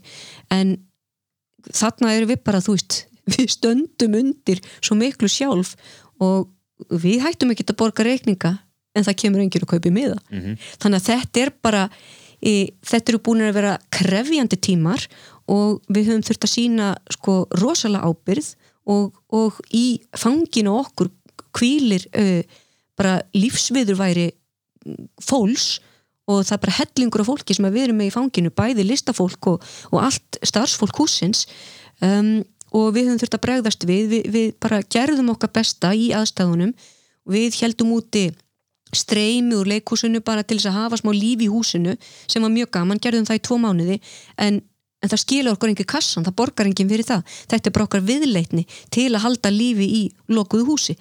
Og, og það kenda okkur ímislegt og við erum til dæmis að fara, við verðum með svo kallar pop-up viðburði í allan vetur sem er í rauninu bara svona útfærið mynd af þessu streymi þar sem við bjóðum fólki í hús auglýsum útrúlega sniðu að viðburði með, með stuttum fyrirvara og keirum bara á eitthvað sem við höfum aldrei prófað áður. Um, en, en svo bara reynum við að, að skipulegja skinsamlega og í ljósa aðstæðina þá er bara mikið af fyrra leikaru sem færist inn í þetta sem að í ljósa aðstæðina núna er alveg ljóst að færist inn á næsta leikár. Þannig að þetta er bara allt í, þú veist, lífið er bara í flúks við verðum að hreyfast með og vera bara uh, hugrökk og gjöful. En, en við höfum þurft að uh, skera niður. Við bara getum ekki haldið sömu framleiðinni og að því að við höfum bara hvorki tíma uh, hérna nýja bara bólmagn fjárhagslega til þess að sinna því. En við höldum sjó og það er okkar aðal að reyna að gera það og halda vel utanum fólki okkar. Taka vel á móti gestum. Hvenær opna dyrnar? Á morgun, á fimmtudag, já, sett í dag. Þátturinn kemur út á morgun. Nei á morgun, nei, föstudag. Sæli, föstudag. á á föstudag. morgun, á föstudag, næst, já. Það er fimmtudag dag, hann kemur út á eftir. Sæl, Já. ég var að gleyma þess sko, uh, fyrsta síning uh, leikásins Mhm. heitir Kartöblur og er bara geggjusýning um kartöblur sem að hérna sviðslista hópur uh, sem heitir CGFC bjóð til í, í ráu rými á þriðjuhæðinni hjá okkur undir hatti sem heitir umbúðalaust. Og það er bara uh, uh, þetta er svona vettvangur ungs sviðslistafólks til þess að, að bara svona prófa þann þó leikúsins og, og búa til síningar uh, umbúðalaust. Af því að kjarni er allt, umbúðir eru ekkert þess að elsku við umbúðalaust. Um, og, og úr þeirra vinnu kom sýningin Kartöblur sem að fekk tilnefningu til grímunar sem leikrit ásins í fyrra. Og nú færa þau út kvíarnar fara af uh, hráarímunni á þriðju hæðinni inn á litla svið. Og þau munu leika tvær sýningar af þessu tvekja metra millibil, 60 manns í salnum. Uh, og uh, og síðan er fyrsta frumsýning leikásins hún verður einnig innan þeirra bara sótvarnalaga sem, sem þá gilda en nú er komið nýtt frá með mánudeginum er það 200 metersregla þannig í staðin fyrir að vera með 60 manns í salnum meg að vera 85 okay. Kurching, djók um, það hérna, telur samt allt. Ég veit ekki já, já, ok. Já, já, já. þessir, þessir örfáu bara, bara verður bara gleða að taka á móti. En hvað með að fjölskyldu sita hlið við hlið? Já, ég meina, þú veist, þetta er náttúrulega bara í já, já, það, það er mega það og, og, og við reynum að raða þessu, þú veist hér eru tveir, svo er eitthvað á milli, hér eru þrýr en þetta er ekki bíó. Fólk ákveður ekki, hei og hvað er leikhús?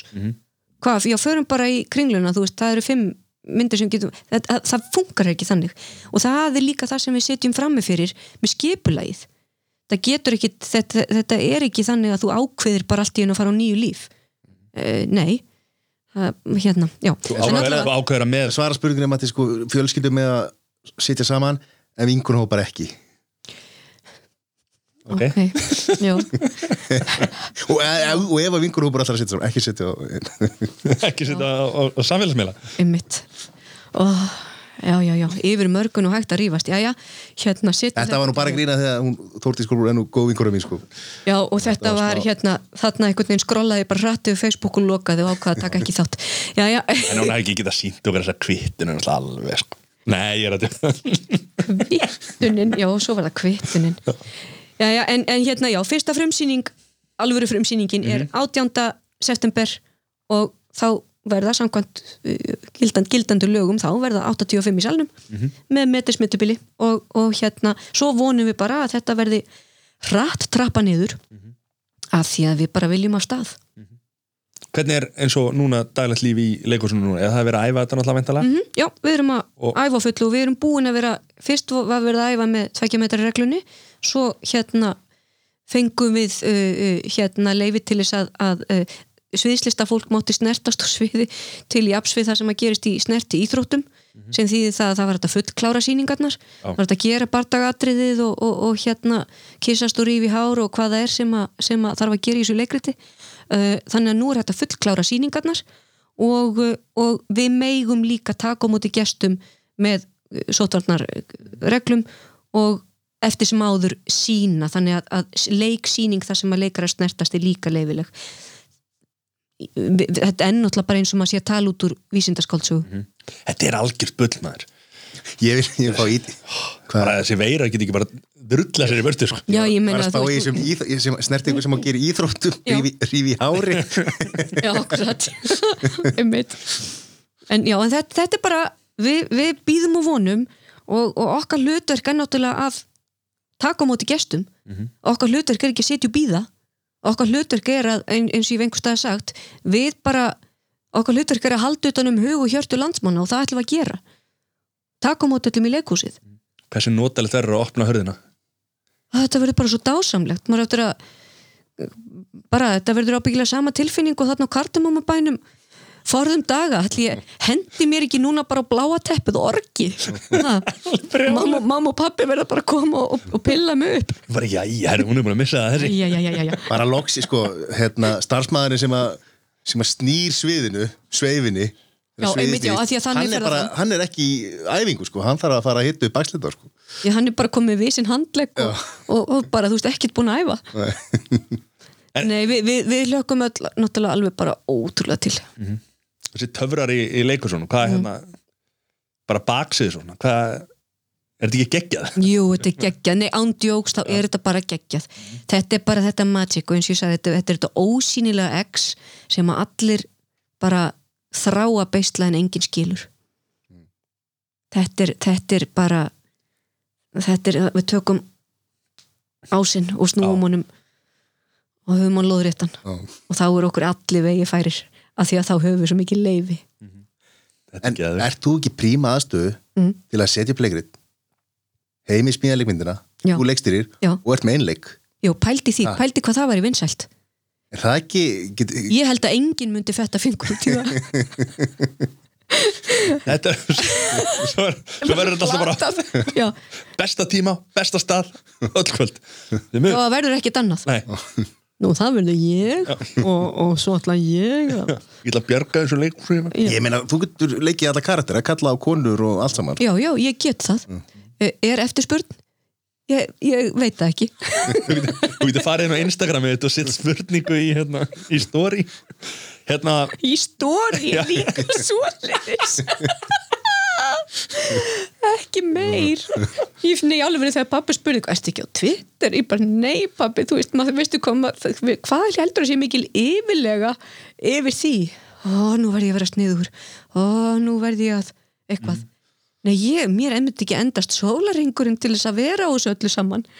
Ég er svo fegin að ég hafi sko sendt þér e-mail bara í stæðin fyrir að senda skilabóð á Instagram til dæmis, það er aldrei séð e, nei, ekki séns, aldrei. Það er, það, sælir. Já, kannski um páskana þegar maður bara svona, heyrðu, best að fara þarna inn á þetta og heyrðu, hér er líri rauður Já, punktur, kíkja á skuttluna hann skuttlan sem karakter er eins og í stelpunum. Hvað er hérna þessi breski hérna Já, er, kettlingin, hún, hún er bara þú veist, hún er bara í öllum strætóm Já. allstaðar og hérna, já þetta er bara óður til uh, ákveðna stjættar hvenna þarna í, í, í Englandi. Þetta er bara stórkostlegar konur. Alveg sama, þeim er alveg sama. drullu hlusta. En finnst þið svona miklu skemmtilegra að vera á sviði heldur en ég veit að við vorum að fara í þetta en þú veist að því að þú ert náttúrulega bara búin að vera í skaupinu. Vera í stelpunum sem var frábæri þættir. Takk. Uh, Þú vilt vera í einhverju viltu vera meira í einhverju svona Shakespeare drama heldur en Nei, alls ekki, það er bara þetta, þetta, þetta snýst bara um hvernig fyrir vinnan fram. Að því mér finnst mjög gaman að leika komik á sviði. En þetta er bara, þetta er bara miðillin einhvern veginn bara hvaða orka hvaða orku maður seitir einhvern veginn frá sér. Og, og ég, að, ég veit ekki, orka mín er bara einhvern veginn að mér finnst of stór fyrir Minnst, ég, ég veit það, ég bara nei, ég hef ekkert hugleitt þetta í þaula en, en, en sem leikari þá, þá er ég sviðsleikari. Það er alveg klárt mál. En það var geggjað að vinna stelpurnar en mér varst alltaf miklu skemmtilega að skrifa það heldur en að leika. Það er hérna, já. Hvernig, hvernig skrifuðu þetta? hvernig voru, voru hópar Ég- tveir eitthvað voru, Ég, þetta byrjaði bara á því að, að hérna Skari Óskar Jónasson ringdi og þá, var, þá átti að fara á stað með stelpurnar og það var leita til bara alls konar leikvenna og, og svo bara hittumst við og byrjuðum að skrifa og, og Sigurjón Kjartansson var þá svona yfir handreitinu og svo bara prófið við, þú veist, sömur mötsuðu vel saman og ruttu frá sér efni aðrir, svo stundum að maður bara skrifa fullt einn og, og svo verið stundum fjóri saman, þetta var bara svona allur gangur á því og, og svo fundum við einhvern veginn bara taktinn og þetta voru alveg hérna fjórar eða fimm serjur sem voru gerðar, ég tók ekki þátt í öllum en, en hérna uh, geggja gaman. Mhm. geggja gaman, þetta var 2005 sko Þetta er ekki smá langt síðan sko. Þetta er Það nefnilega ennþá- mjög langt er síðan. Er ekki ennþá verið að, að vera að sína eitthvað hérna, endur sína eitthvað þessu? Þetta Jú, er jú. margt þessu sem að er bara ennþá ógeðslega að fyndi já, þetta er miljandi fyndi sko. Já, þetta var mjög vel hefnað. Ég, Já. Það er nokkur aðrið hana sem að eins og með sokkaböksuna já, það skrifaði ég. Ég get ekki að halda sokkaböksun lengur. Hérna, það var kom fyndi það? Ég veit ekki, ég bara eitthvað þú veist, það, er þetta sko með, með bara frelsi. Þarna var bara mitt frelsi frelsi leikarans komið inn í sko hausin á mér. Og þegar maður er að vinna að svona serju þá er allt er skets. Þú veist, við erum alltaf að vinna. Ég og Ilmur og Marja Reyndal við vorum að skrifa þetta, þú veist, maður var bara hvert sem maður fór, alltaf með bókin alltaf að skrifa niður. Og opbáslega mikið bara svona einhvern veginn hverstagslegar pælingar og hugsanir og, og eitthvað. Og þá koma svona dónælegi sketsin, ég skrifaði líka dónajólakórin og hann átti að vera miklu dónælegri og skari bara, ég þurfti að breyta honum af því að það mátti ekki vera það sem að dónajólakórin söng. Má aldrei vera neitt. Nei, það má aldrei neitt. Og, en hérna þetta með sokkaböksunar skilur það var bara viðbjósla fyndið. Og, og hann svona held svona einhvern veginn á handriðinu hendi í svona borðið svona eins og það væri ógíslegt og sagði bara já þú leikur þetta þá bara sjálf og ég bara ok honum fannst þetta ógíslegt en þetta var bara ógeðslega fyndið Já. já þetta nei ég meina nei bara svona En akkur ekki Akkur ekki? Nei, ég meina, come on Mhm. Hvað? Og og- og hvað er að gera í þessu? Þetta er bara ógeðslega það er já En uppistand, hefur það eitthvað Nei, það væri ábyggilega bara mjög gaman en, en það þyrfti að vera mjög meitlað og, og ég er það að vita um hvað ég vildi fjalla þú veist að því að ég svona fullkomnina sinni og, og, og ég væri ekki ánað með eitthvað bara já, góða kvöldi og heyrðu og svo myndið eitthvað misfarast og það, nei, það myndi, ég yrði alveg bara brjálut sjálf á mig. Þú hefur nú aðeins tekið þátt í spuna. Er Það? Já, einhverjur, mörgum ára síðan þá, ég las nú einhverja dagskrá þá varst þú með eitthvað, eitthvað spuna að, var hluti að einhverju annar dagskrá sko Nei Hvað? Er það? ég, kannski, kannski er ég ruglengur saman Það getur ekki ég verið. sá, held að ég sé þetta einhver staðar þá væri hérna, Hvað fuð? Spunakelling? Interneti gleyma neyðin kenni Nei. nættri kona spuna, var það þannig?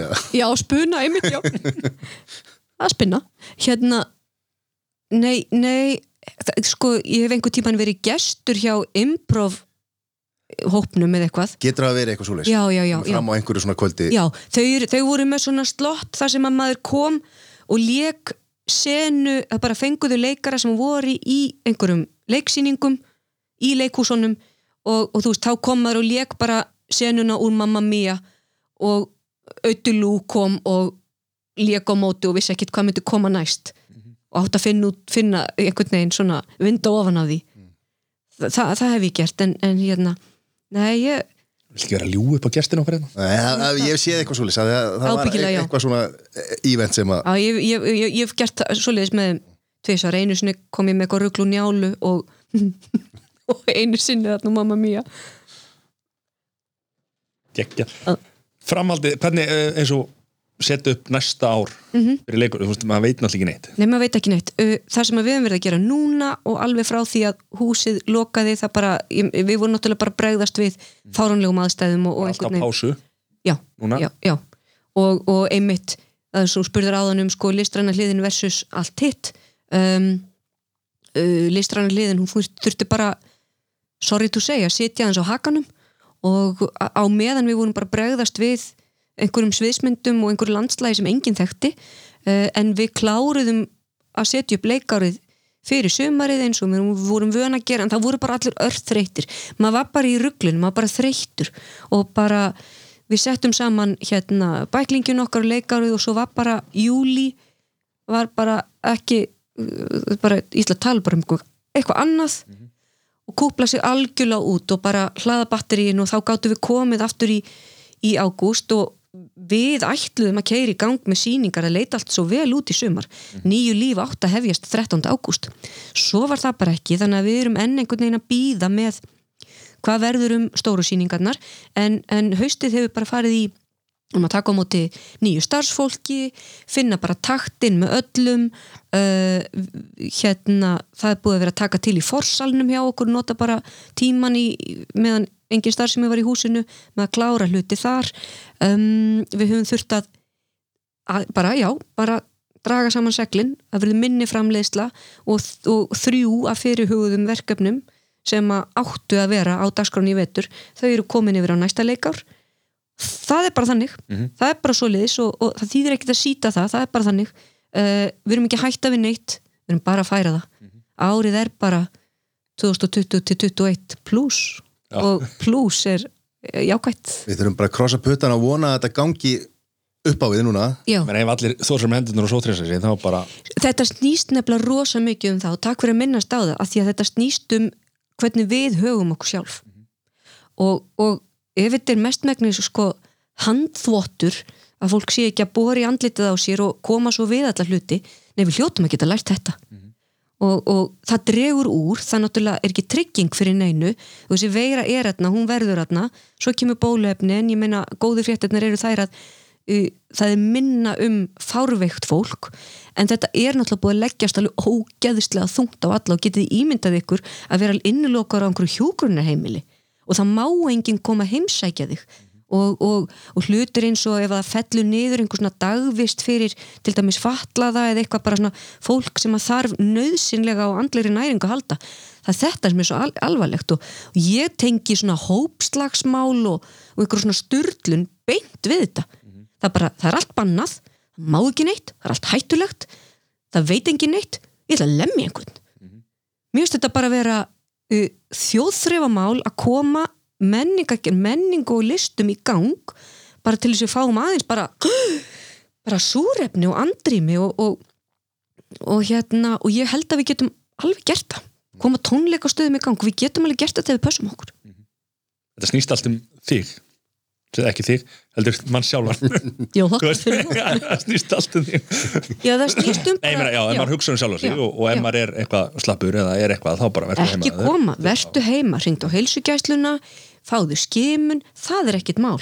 Það stendur öllum til bóða, þú veist þetta er bara og, og við erum bara góð hvort við annað og látum ekki þú veist, freki og keppniskap bera okkur ofurliði og bara, hei við erum hérna, það er nóg plás fyrir alla.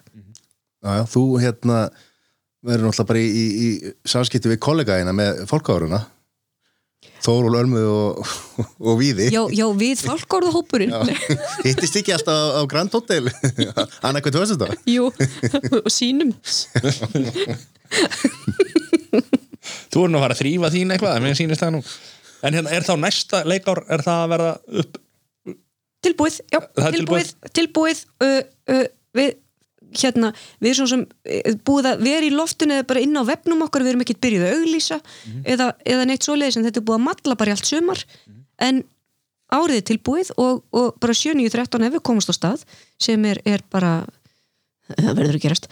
Um, þá getum við haldið því sem við höfum auglýst en þetta verður alltaf vera með þeim fyrirvara að hluti geta breyst í ljósi aðstæðina og bara í takt við það sem er. En, en þú veist, það er ótrúlega mikið sjúklega spennandi og, og, og, og við erum með mikið af svona, svona gleði og, svona dellu, bara hlæjum saman.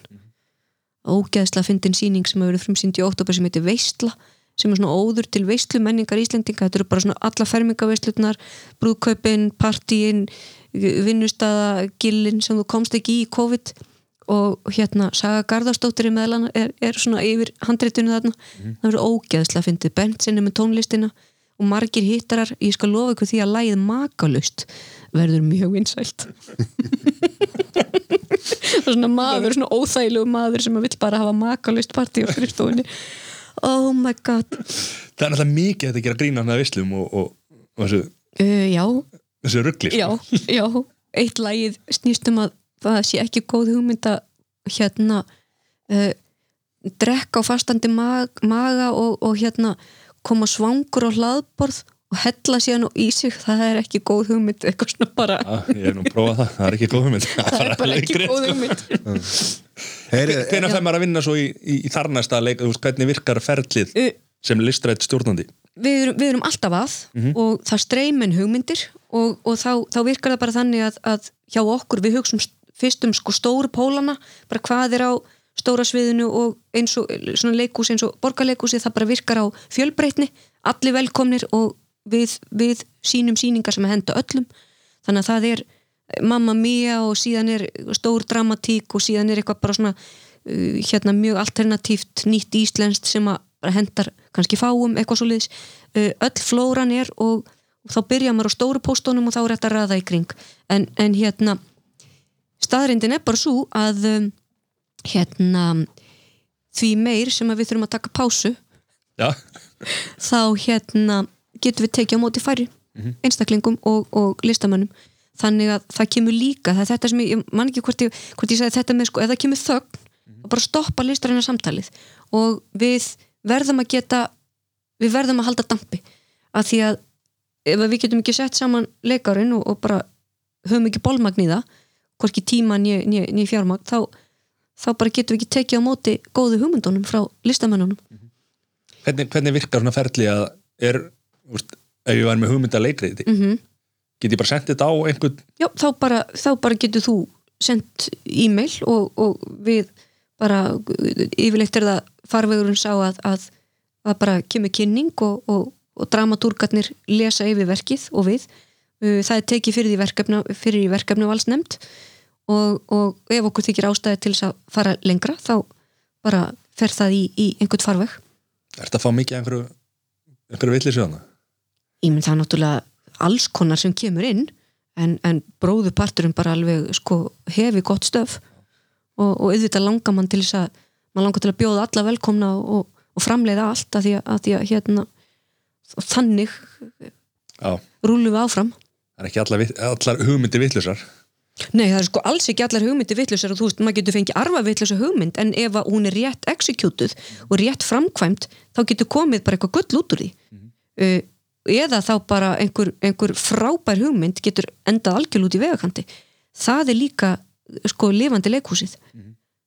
Og hvað, sem er spennandi. þá kemur ferli er þá þannig að, að ég kemur einhverju hugmynd. Mhm. þið er sátt við hugmyndina og þið þá einhvern leikstjóra og það er, svona, það er bara allur gangur á því. Sumir, hérna, stundum er það leikstjórarnir sem að koma með hugmyndir, stundum er það uh, einhverju leikarar sem hafa áhuga að leika einhver ákveðin hlutverk, það er bara það er allur gangur á því, stundum er það uh, að því að okkur finnst bara brínt að sagan heyrist.